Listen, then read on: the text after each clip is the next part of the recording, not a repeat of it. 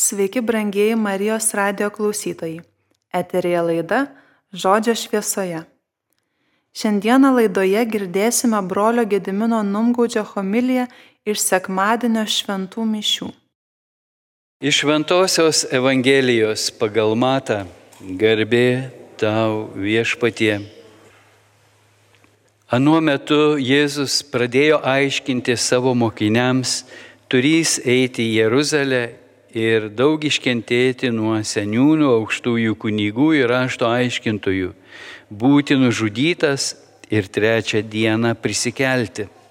Tada Petras, pasivadinęs jį šalį, ėmė drausti. Nieko gyvų viešpatie tau neturi taip atsitikti. O jis atsisukęs subarė Petrą, eik šalin šetone, tu man papiktinimas, nes mastai ne Dievo, o žmonių mintimis. Tuomet Jėzus kalbėjo savo mokiniams, jei kas nori eiti paskui mane, tai išsižada pats savęs, te pasiima savo kryžių ir te seka manimi. Kas nori išgelbėti savo gyvybę, tas ją praras, o kas pražudo gyvybę dėl manęs, tas ją atras. Kokiagi žmogui nauda, jeigu jis laimėtų visą pasaulį, o pakenktų savo gyvybei? Arba kuo žmogus galėtų išsipirkti savo gyvybę? Nes žmogaus sūnus ateis savo tėvo šlovėje su savo angelais ir tuomet jis atlygins kiekvienam pagal jo darbus. Viešpaties žodis. Tokie šiandien nepopuliarūs tekstai pasitaikė, nelabai pozityvus. Atvažiavot pozityvo į pakūtą, ką nors šviesaus, tokio gaivaus, paguodos, džiaugsmingo kažko. O čia, kas neatsižada savo gyvybės, negali būti mano mokinys, o jūs susiruošėt būti jo mokiniais, turėsit reikalų, ar save apgaudinėsim ir sakysim, viskas normaliai, čia taip įprasta, čia taip turi būti. Evangelija savo, mes savo. Bet Jėzus primena mums, žmogaus sūnus ateis savo tėvo šlovėje su savo angelais, tuomet jis atlygins kiekvienam pagal jo darbus. Nu, mes blogų darbų nedarom. Gyvenam savo, ramiai, savo gyvenam. Ar gyvenam dėl karalius, ar mums rūpi karalystė, Ar mums rūpi mūsų brolių sesijų išgelbėjimas, ar mums svarbu tik, kad nu, patys išsigelbėtumėm. O tėvas nepaklaus mūsų, o kur tavo broliai sesės? Ką tu darai dėl jų, kad išgelbėtum? Abejingai žiūrėjai, kaip jie žuvo, tik apie save galvojai. Ar tada mes galėsim paveldėti karalystę? Ar būsim tikrai pasiruošę prisimti atsakomybę karalystėje, dangaus karalystėje? Ar mumise bus išugdyta kantrybė, ištikimybė mažuose dalykuose? Čia žemėje mes galim, kaip sakant, daryti klaidas ir atgailauti, ten jau kažkaip nebeišeis. Jau ten bus uždėtas anspaudas ar gyventi, ar amžinai merdėti. Iš tikrųjų, gyvenimas su Dievu nėra paprastas ir lengvas. Kai kam galbūt atrodo, kad jeigu prieimė į Kristų į savo širdį, tai jau viskas nebeturėsi jokių problemų. Mergelė Marija jau tavim rūpinsis ir e, be šansų tau prapulti. Deja, deja. Štai pranašas Jeremijas Jis buvo jaunas, kai viešpats jį pašaukė. Galvoju, kad daugelis pranašų buvo jauni pašaukti. Ir apaštalai irgi turėjo jėgų, kaip sakant, valtis tampyti. Su tėvais žvejojo, prisimenam, ten tėvui padėdavo žvejybui. Vakar buvo smagu matyti, kaip prie tvenkinio vienas tėvukas mokino kitos šeimos berniukus žvejoti. Taigi Jeremijas buvo kunigo sunus, turėjo pažinti gerai žydų religinį gyvenimą. Ir viešpačiui to neužteko. Jis pašaukė jį būti pranašu, liūdėti tiesą klystantiems, nepatogią tiesą, rodyti žmonių klaidas, nuodėmes. Ir ne šiaip žmonėms, karaliams, kunigams, didžiūnams. Ir pranašas kankinasi, jis prikaišioja Dievui, tu mane suvedžiojai viešpatie Aš leidausi suvedžiojamas, tu buvai stipresnis už mane, tu nugalėjai. Nuolat esu traukiamas per dantį, kiekvienas šaiposi iš manęs. Kada tik kalbu, turiu rėkti, turiu šaukti, smurtas ir skriauda. Viešpatie žodis man atnešė nuolatinę užgaulę ir pajoką. Bet kai sakau, užmiršiu jį, jo vardu daugiau nebekalbėsiu, Tada jis yra kaip ugnis įsiliepsnojusi mano širdyje, užsklesta mano kūne, visomis jėgomis tengiuosi jį nuslopinti, bet nepajėgiu. Taigi pranašas nemažai prisikentėjo. Ir ne tik Jeremijas ir daugelis kitų buvo ir žudomi, prisimenam Elijo dienomis. Šimtai pranašų buvo išžudyti jie Izraelį, kiti slapstėsi, apaštalai, Jėzaus mokiniai irgi siūsti į pasaulį kaip pranašai, irgi mirė kankinio mirtimi. Taigi, kaip yra su mumis, ar mes pasiruošę atiduoti savo gyvybę dėl Kristaus? Ar mes esam pasiemę savo kryžių? Tai yra, esam susitaikę, kad teks mums atiduoti gyvybę dėl Kristaus. Mūsų supratimo nelaiku, per anksti ir panašiai. Šiandien prisimenu vieną įspūdingą krikštą, apie kurį esu pasakojęs, kai kas esat girdėję, žinot, bet galbūt šiandien tiktų ir pakartoti. 90 metais mus pašaukė pakvietė į Prancūziją, Emanuelio bendruomenę, į tokią konferenciją vasaros Parė Monial mieste.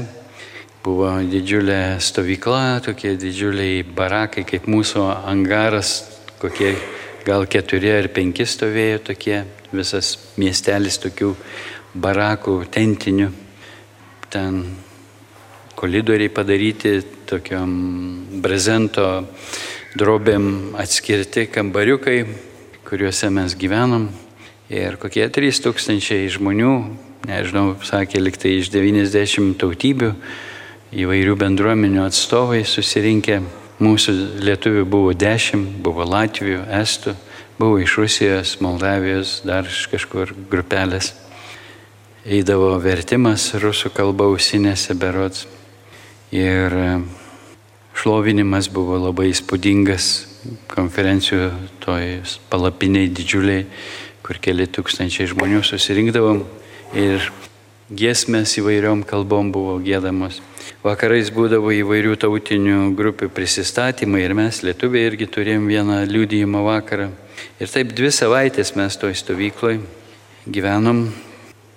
Vieną vakarą mus pakvietė į katedrą, baziliką vakare, jau sutemus, taip keista buvo, tokiu keistu laiku, vasarą. Kodėl dieną negalėjo daryti, nežinau, bet susirinkom ir buvo krikštas.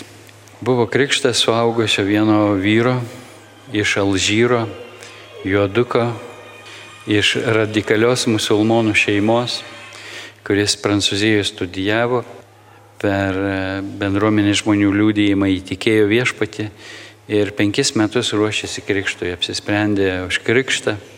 Ir va, viskupas mišių metu, kai priejo jau po pamokslo prie krikšto apėgų, paklausė jį, jis dar tokia kaip viso gyvenimo išpažinti atliko viešą, papasakojo apie save. Ir viskupas klausė jį, ar tu pasiruošęs rytoj, o gal ir šį vakarą atiduoti savo gyvybę už Kristų. Ir paaiškino visiems, kad jis iš radikalios musulmonų šeimos ir jeigu jo giminaičiai sužinos, kad jis pasikrikštijo, jo gyvo nepaliks. Jam teks visą gyvenimą slapstytis. Ir e, jis pasakė taip. Taip mums visiems šiurpas perėjo. Ir tada viskupas paprašė, kad mes visi melstumės už tą vaikiną, dėdami vieni kitiems rankas ant pečių ir taip pat tos rankos nuėjo iki altoriaus, artimiau stovintis prie altoriaus, ant to vyruko dėjo rankas ir visi meldėsi kiekvieną savo kalbą, kažkas kalbomis, taip kad atrodė, kad visa bazilika liepsnojo, toks šlamesys garsus kilo.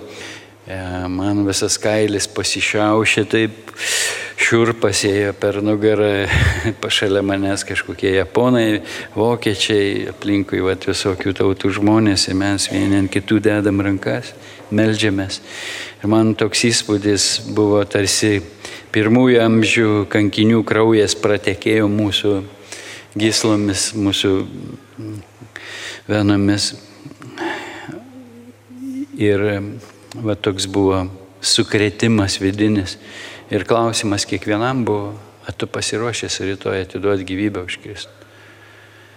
Kad jis turėtų jėgų ištesėti taip, mes visi meldėmės. Prisimenu, buvo toks stambus, jaunas kunigas, matyt, pakliuvęs pas charizmatikus, taip veido išraiška jo buvo tokia, tipo, kur aš čia pakliuvau, kokia čia nesąmonė vyksta. Bet po to aš pamačiau tą kunigą apsipylusi ašarom. Ir jis visą vakarą taip per mišes prastovėjo, kaip pagautas. Jau pasibaigė viskas, palaimino, jis dar stovėjo ir ašaros bėgo. Tai va, visokių būna vaizdelių per krikštą. Tas vaikinas priėmė Kristų iš savo širdį, jį panardino į tokį indą, tokį didelį sidabrinį bliūdą, jo veidą, tris kartus. Ir kai jis iškilo, atrodo perkeistas tas veidas buvo, visi ėjo, sveikino jį. Tai va, kiekvienam iš mūsų tikriausiai norėtųsi būti iš naujo pakrikštytam, suaugusiam, suprantančiam, bet ko gero tai nelabai ką pakeistų. Mes turim galimybę kiekvieną kartą, girdėdami Dievo žodį, kiekvieną kartą dalyvaudami kažkieno kito krikšte, turime galimybę atnaujinti savyje krikšto pasiryžimą, tą troškimą gyventi su Dievu. Ir kai mes darom kryžiaus ženklą vardant Dievo tėvo ir sunaus, tai mes atnaujinam savyje krikšto įžadus, atnaujinam tą krikšto būseną, tą atgimimo iš dvasios būseną, save iš naujo ir iš naujo panardindami viešpatyje, panardindami į tėvą, į sūnų, į šventąją dvasę. Atsiduodami tėvui, atsiduodami sūnui, atsiduodami šventąją dvasiai Taip kaip santokoj sužadėtinė save dovanoja sužadėtiniui, taip ir mes save dovanojam Kristui, pasitikėdami jo meilę, kurią jis parodė mm, mums, atiduodamas gyvybę už mus Golgotui, kad mes gyventume Dievo vaikų gyvenimą, Dievo vaikų laisvėje. Ir tas atidavimas savęs, tai tarsi pasakymas, štai aš viešpaties vergas, vergė, kaip Marija per apreiškimą. Štai aš viešpaties vergė, tiesie man, kaip tu pasakėjai. Te būna man, kaip tu pasakysi viešpatie. Aš visiškai atsiduodu į tavo rankas, atiduodu savo gyvybę, pašauksi mane rytojai, ar už dešimt metų, ar už dvidešimt metų. Tavo reikalas, tavo teisė viešpatie. Ir ką aš turiu daryti? Ką aš turiu daryti? Jėzus mums rodo iš tikrųjų aukos kelią. Jis eina už mus atiduoti gyvybę, kad mes gyventume. O mes taip norim išsaugoti savo gyvybę, apdrausti ją, susikaupti pinigų, Susikaupiam senatvėje pinigų ir jais nepasinaudojam, o paskui kažkas dėl jų pešasi, susipyksta ir kentėti viens kito negali.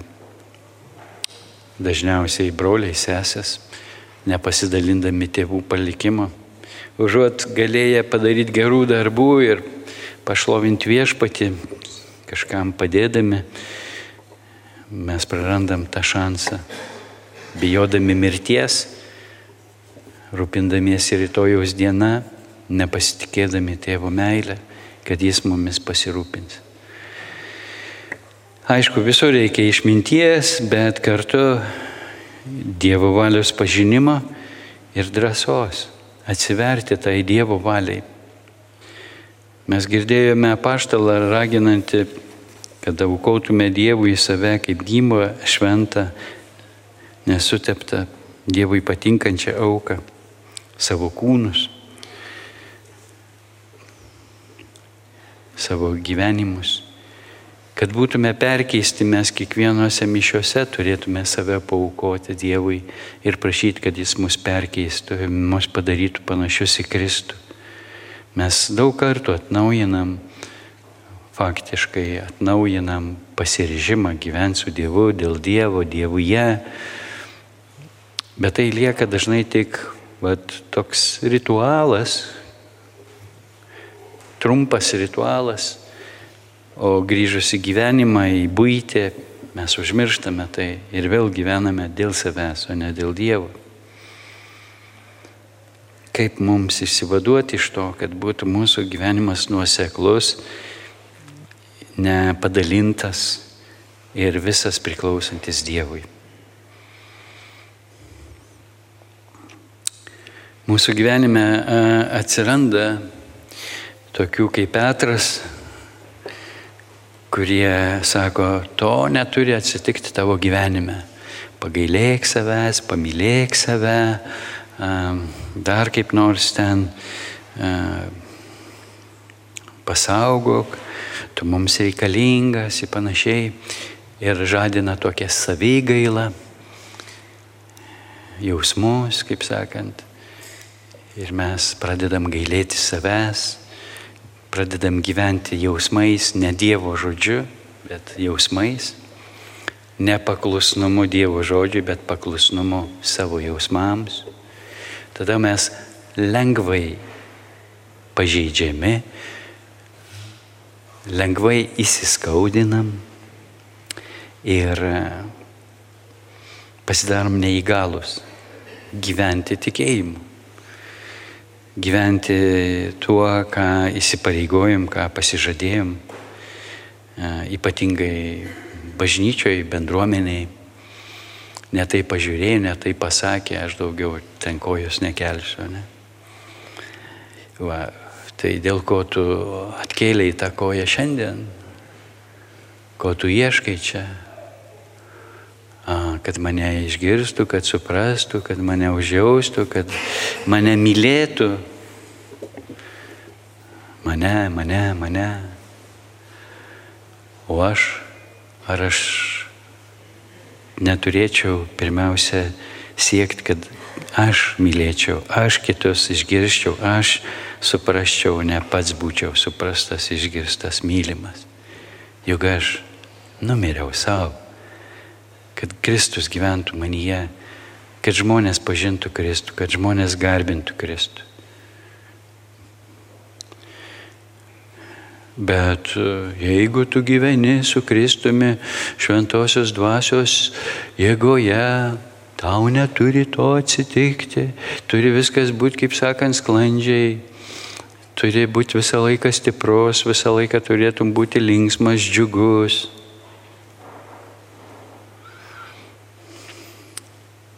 Turėčiau, bet dėja atsitinka visaip pasiduodu melui, pasiduodu piktai dvasiai, kuri man meluoja, meluoja man per jausmus, per atsiminimus, iškraipydama, interpretuodama kitų žmonių kalbas, žodžius ir aš liūdžiu. Ir aš esu paralyžiuotas. Į nebenoriu, į nebegaliu, į panašiai. Kaip tam pasipriešinti? Ko gero tai atpažinęs turėčiau vėl pasitikrinti, kaip yra su tuo numirimu savo. Ar aš esu numiręs savo, ar aš gyvenu dėl Kristaus, ar aš gyvenu dėl karalystės, ar aš rūpinuosi karalystę.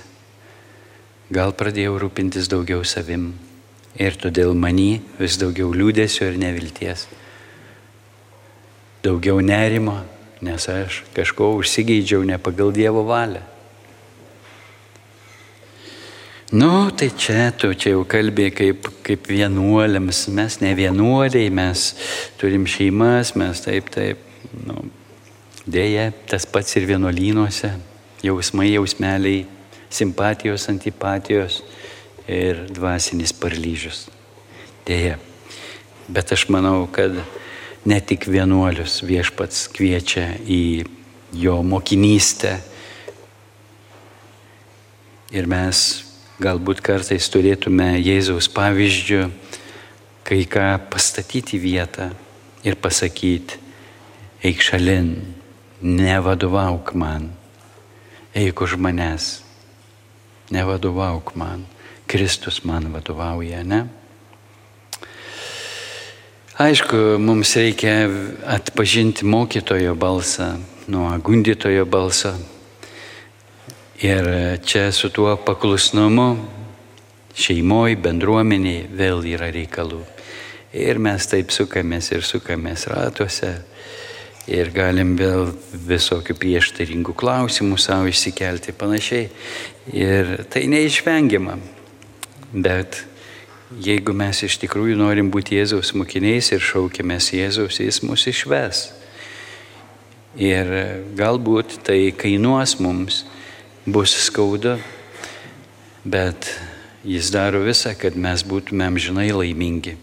Ne čia trumpai papramogavę kūno įkalinime, kūno apribojime, bet kad amžinybėje būtume laisvi ir džiaugtumės Dievo pergalę mūsų ir visos žmonijos gyvenime. Melskime, kad viešpats duotų mums drąsos pasipriešinti tam bandymui mus sustabdyti, kaip bandė sustabdyti Kristų, dažnai manipuliuojant mūsų pačių gerovę. Nepaguosiu jūsų šiandien dėl ateities, kaip jūs tikitės. Ateitis mūsų laukia sunki Todėl, kad e, visada buvo ir bus, kurie bandys užimti Dievo vietą mūsų gyvenime, reguliuoti mus, e, nuspręsti už mus, kokie mes turim būti, ką turim mąstyti, kaip turim tikėti, kaip turim jausti, kaip turim matyti. E, mes išgyvenom kažkiek, tai ne visi galbūt, jaunimas galbūt jau to nepatyrė, dabar tik su pasiekmėm susidūrė, išgyvenom komunizmą, mūsų seneliai išgyveno fašizmą. Ir komunizmą ir matė tuos architektus visuomenės, kurie bandė visuomenę padaryti tobulą pagal kažkieno užgaidas, ambicijas, supratimus, manipuliuojant gerovę, kitų gerovę, paniekinant kitų teisę ir žudant vienus kitų a, geroviai, kitų geroviai. Dabar mes matom Ukrainoje panašius dalykus, bet mūsų dar laukia radikalus islamas, dar mūsų laukia genderizmo revoliucija su rimtais iššūkiais, ir nebandyk apie tai kalbėti, nes būsi liaudės priešas, viskas kartojasi. Buvo raudona vėliava, pareina vaivorykštinė vėliava, už jos ateis juoda vėliava ir, kaip sakant, išbandymų netrūks. Ar jūs pasiruošę išbandymams? Ar jūs pasiruošę persekiojimams? Ar jūs pasiruošę gyventi pogrindyje, nors galbūt oficiali bažnyčia bus laisva. Kaip ten yra Jeva su kinų Biblija nauja versija? Kinų valdžiai pasirodė, kad nepatogi, netitinka komunistų partijos programos Biblija, tai ją perrašė, pataisė, bent vieną pataisimą, žinai. Kaip ten buvo, nebeatsimenu, kažkokia nesąmonė. Ai, versija, meskite akmenį, kas be nuodėmės, kur pagauta ten svetimaujant. E, tipo visi įsisklaidė, tada Jėzus užmėtė į akmenimis. Kiniška versija.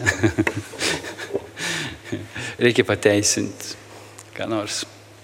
Tai, va, tai visokių tokių dalykų yra ir mums čia juokas kelia, o ten Kinijoje tūkstančiai krikščionių už ištikimybę Kristui sėdi kalėjimuose, yra žeminami ir kankinami. Viskupai, kunigai, yra oficiali bažnyčia, kuri tipo privilegijuota valdžios, komunistų partijos, kaip sakant, palydimą.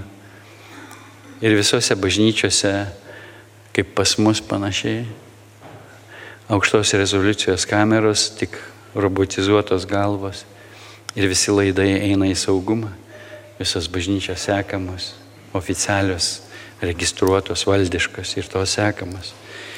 Bet yra pogrindis, yra tūkstančiai krikščionių, kurie neturi galimybės viešai melstis, viešai išlovinti, viešai studijuoti žodžio, mažom grupelėm. Panašiai kaip sovietmetį.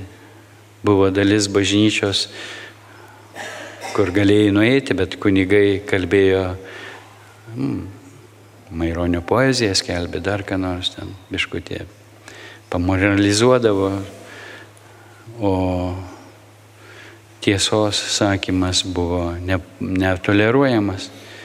Ir buvo pogrindis, buvo grupelės žmonių, nedidelės, kur slapta rinkdavosi, kad slapta melstis, slapta kalbėti tai, kas svarbu ir brangu tiek katalikai, tiek protestantai. Tai va, kas mūsų laukia, mes nežinom, bet irgi aš manau, kad kiekvienam žmogui gyvenimo keli neišvengiamai viešpats suorganizuoja pasirinkimo galimybę. Neapsigaukim. O kad neapsigautumėm, ruoškimės, darykim žingsnius save lavinkim ir grūdinkim, kad galėtume išgyventi pogrindžio sąlygom. Ir ypatingai jaunom šeimoms tas aktualu.